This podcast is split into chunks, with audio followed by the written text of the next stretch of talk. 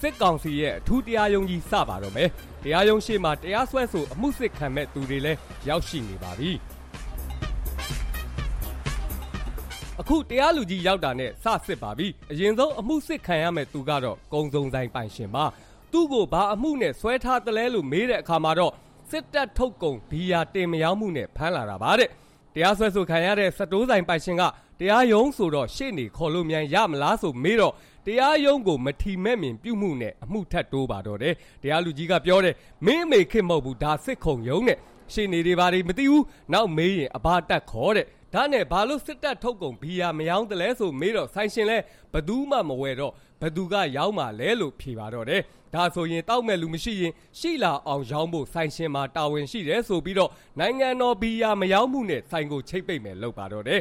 ချိန်မပိတ်ချင်းရင်ဒဏ်ကြီးဆောင်နဲ့ဘယ်ကိုဆောင်ရမှာလဲဆိုတော့ညနေအိမ်လာခဲ့ဆိုပြီးတော့အမှုချလိုက်ပါတော့တယ်အဲ့ဒီနောက်မှာတော့ခုနကဆိုင်ရှင်နဲ့အမှုတွဲလူတွေကိုတပ်ပိုင်ဘီယာမတောက်မှုနဲ့ဆွဲချက်တင်ပါတော့တယ်ဘယ်ကဖမ်းလာတာလဲဆိုတော့ခုနကဆိုင်မှာဘီယာလာဝယ်တာစောင့်ဖမ်းလာတာတဲ့တရားလူကြီးလည်းအမျိုးဘာသာတာသနာကိုစောင့်ရှောက်နေတဲ့သူတို့လက်ထက်မှာတပ်ပိုင်ဘီယာကိုတောက်သုံးတာဟာတာသနာကိုထိမ့်သိမ့်စောင့်ရှောက်တာဖြစ်တဲ့အကြောင်း အခြားဘီယာဝယ်တောက်တာဟာပြည်ပအားကိုပစိန်ရိုးလောက်တာဖြစ်တဲ့အကြောင်းတပ်ပိုင်ဘီယာကိုတောက်သုံးခြင်းအပြင်ဘာသာတာသနာကိုကာကွယ်နေတဲ့ဥပိုင်အစုရှင်စစ်တပ်နဲ့သူတို့ရဲ့မိသားစုတွေကိုထောက်ပံ့ရာရောက်တဲ့အကြောင်းမိန်ကွန်းချွေပါတော့တယ်။အဲဒီလိုချွေနေတော့မှပဲခုနကလူအုပ်ထဲကတယောက်ကထပြောတယ်ဝယ်တော့လဲဥပိုင်ရှယ်ယာရှင်နေစီအစုငွေရောက်မှာမဟုတ်တာတဲ့ အမျက်ငွေတွေကိုဗိုလ်ချုပ်တွေပဲဝိုက်တာမဟုတ်လားဆိုမေးတော့တရားလူကြီးလဲထပြောတဲ့သူကိုနိုင်ငံတော်ဘီယာမတောက်မှုတာသနာညှိုးနှွမ်းစေမှုနိုင်ငံတော်အကြီးညိုပြတ်စေမှုတရားရုံးကိုမထီမဲ့မြင်ပြုမှုအကြမ်းဖက်မှုတွေနဲ့ထောင်နှစ်ရှည်ချ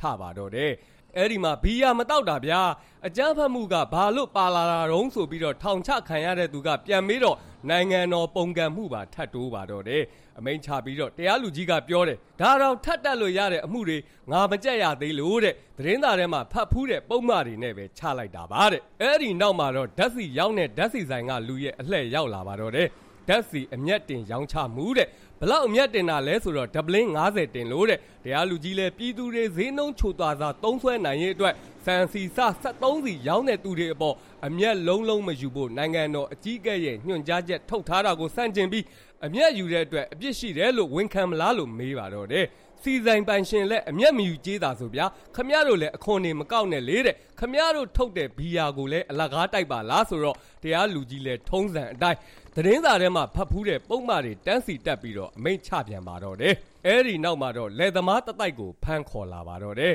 စဘာသေးချမရောက်မှုနဲ့အမျက်ကြီးစားတယ်ဆိုပြီးတော့အမှုဆွဲဆိုထားတာပါပြည်သူတွေစံစည်းတက်တာဖို့နိုင်ငံတော်ကလုပ်နေတဲ့အချိန်မှာစဘာသေးကိုအခုလိုတင်ပြီးတော့ရောင်းချတာဟာအမျက်ကြီးစားဖြစ်တဲ့အကြောင်း ဒါမျိုးဟာမလုတ်သင့်မလုတ်ထိုက်တဲ့အကြောင်းနောင်ဘွားမှာငရဲလားမှာဖြစ်တဲ့အကြောင်းတရားဟောတော့လေသမားလဲစဘာဆိုင်တုံးကမင်းတို့တွေမြေစီသေးချပေးလို့လားတဲ့မြေစီသေး၃စားလောက်တက်တာနဲ့ဒါစိုက်ထားရတယ်ဟာတဲ့နောက်လေသမားတယောက်ကထပြောတယ်မြေစီသေးဘယ်မှာချပေးမလို့တဲ့သူတို့ပဲတွင်းထားတာလေတဲ့နောက်လေသမားတယောက်ကလည်းထပြောတယ်စဘာပေါ်ချိန်မှာဈေးချခိုင်းပြီးမင်းတို့ပဲပြည်ပကိုပို့အောင်မှာမဟုတ်လားဆိုတော့မတရားလူကြီးလဲဒါကဈေးကွက်စီးပွားရေးစနစ်အရ ကုန်သည်တွေအနေနဲ့လွတ်လွတ်လပ်လပ်ရောင်းဝယ်ခွင့်ရှိတဲ့အကြောင်းပြောပြီးတော့အဲ့ဒီလယ်သမားတွေရဲ့မြေမှာဟိုးရင်လုံနေကြအတိုင်းတပ်ပိုင်မြေဆိုတဲ့ဆိုင်းဘုတ်ထူဖို့အမိန့်ချလိုက်ပါတော့တယ်အဲ့ဒီနောက်မှာတော့ထိုင်းထီပေါက်လာတဲ့သူကိုဆယ်ပုံတပုံမပေးမှုနဲ့တရားစွဲပါတော့တယ်ထီပေါက်တဲ့သူလဲဘာလို့ဆယ်ပုံတပုံတောင်းတာလဲဆိုမေးတော့လူကျင်တို့တောင်းတာဆိုပြီးတော့အမှုထင်ရှားတဲ့အတွက်ထီပေါက်တဲ့ငွေရဲ့ဆယ်ပုံတပုံကိုနိုင်ငံတော်ကိုတွင်းခိုင်းပြီးကြံတဲ့ကိုးပုံကိုအိမ်ကိုလာပို့ဖို့အမိန့်ချလိုက်ပါတော့တယ် မှတ်ချက်အနေနဲ့ထိုင်းငွေပြန်လဲပြီးပေးရန်နဲ့နောက်ထပ်တမှုကတော့လေစိတ်ကဖမ်းခေါ်လာတဲ့နိုင်ငံသားပြန်အလုတ်သမားတွေပါလာသာရဲ့လေးပုံတပုံကိုအင်ကိုပြန်ပို့ခိုင်းတာပြန်မပို့တဲ့အတွက်လာသာရဲ့လေးပုံသုံးပုံကိုဒဏ်ငွေဆောင်ခိုင်းပါတော့တယ်ကြံတဲ့လာသာတပုံကိုတော့ဝင်ငွေကွန်းဆိုပြီးတော့တင်လိုက်ပါတော့တယ်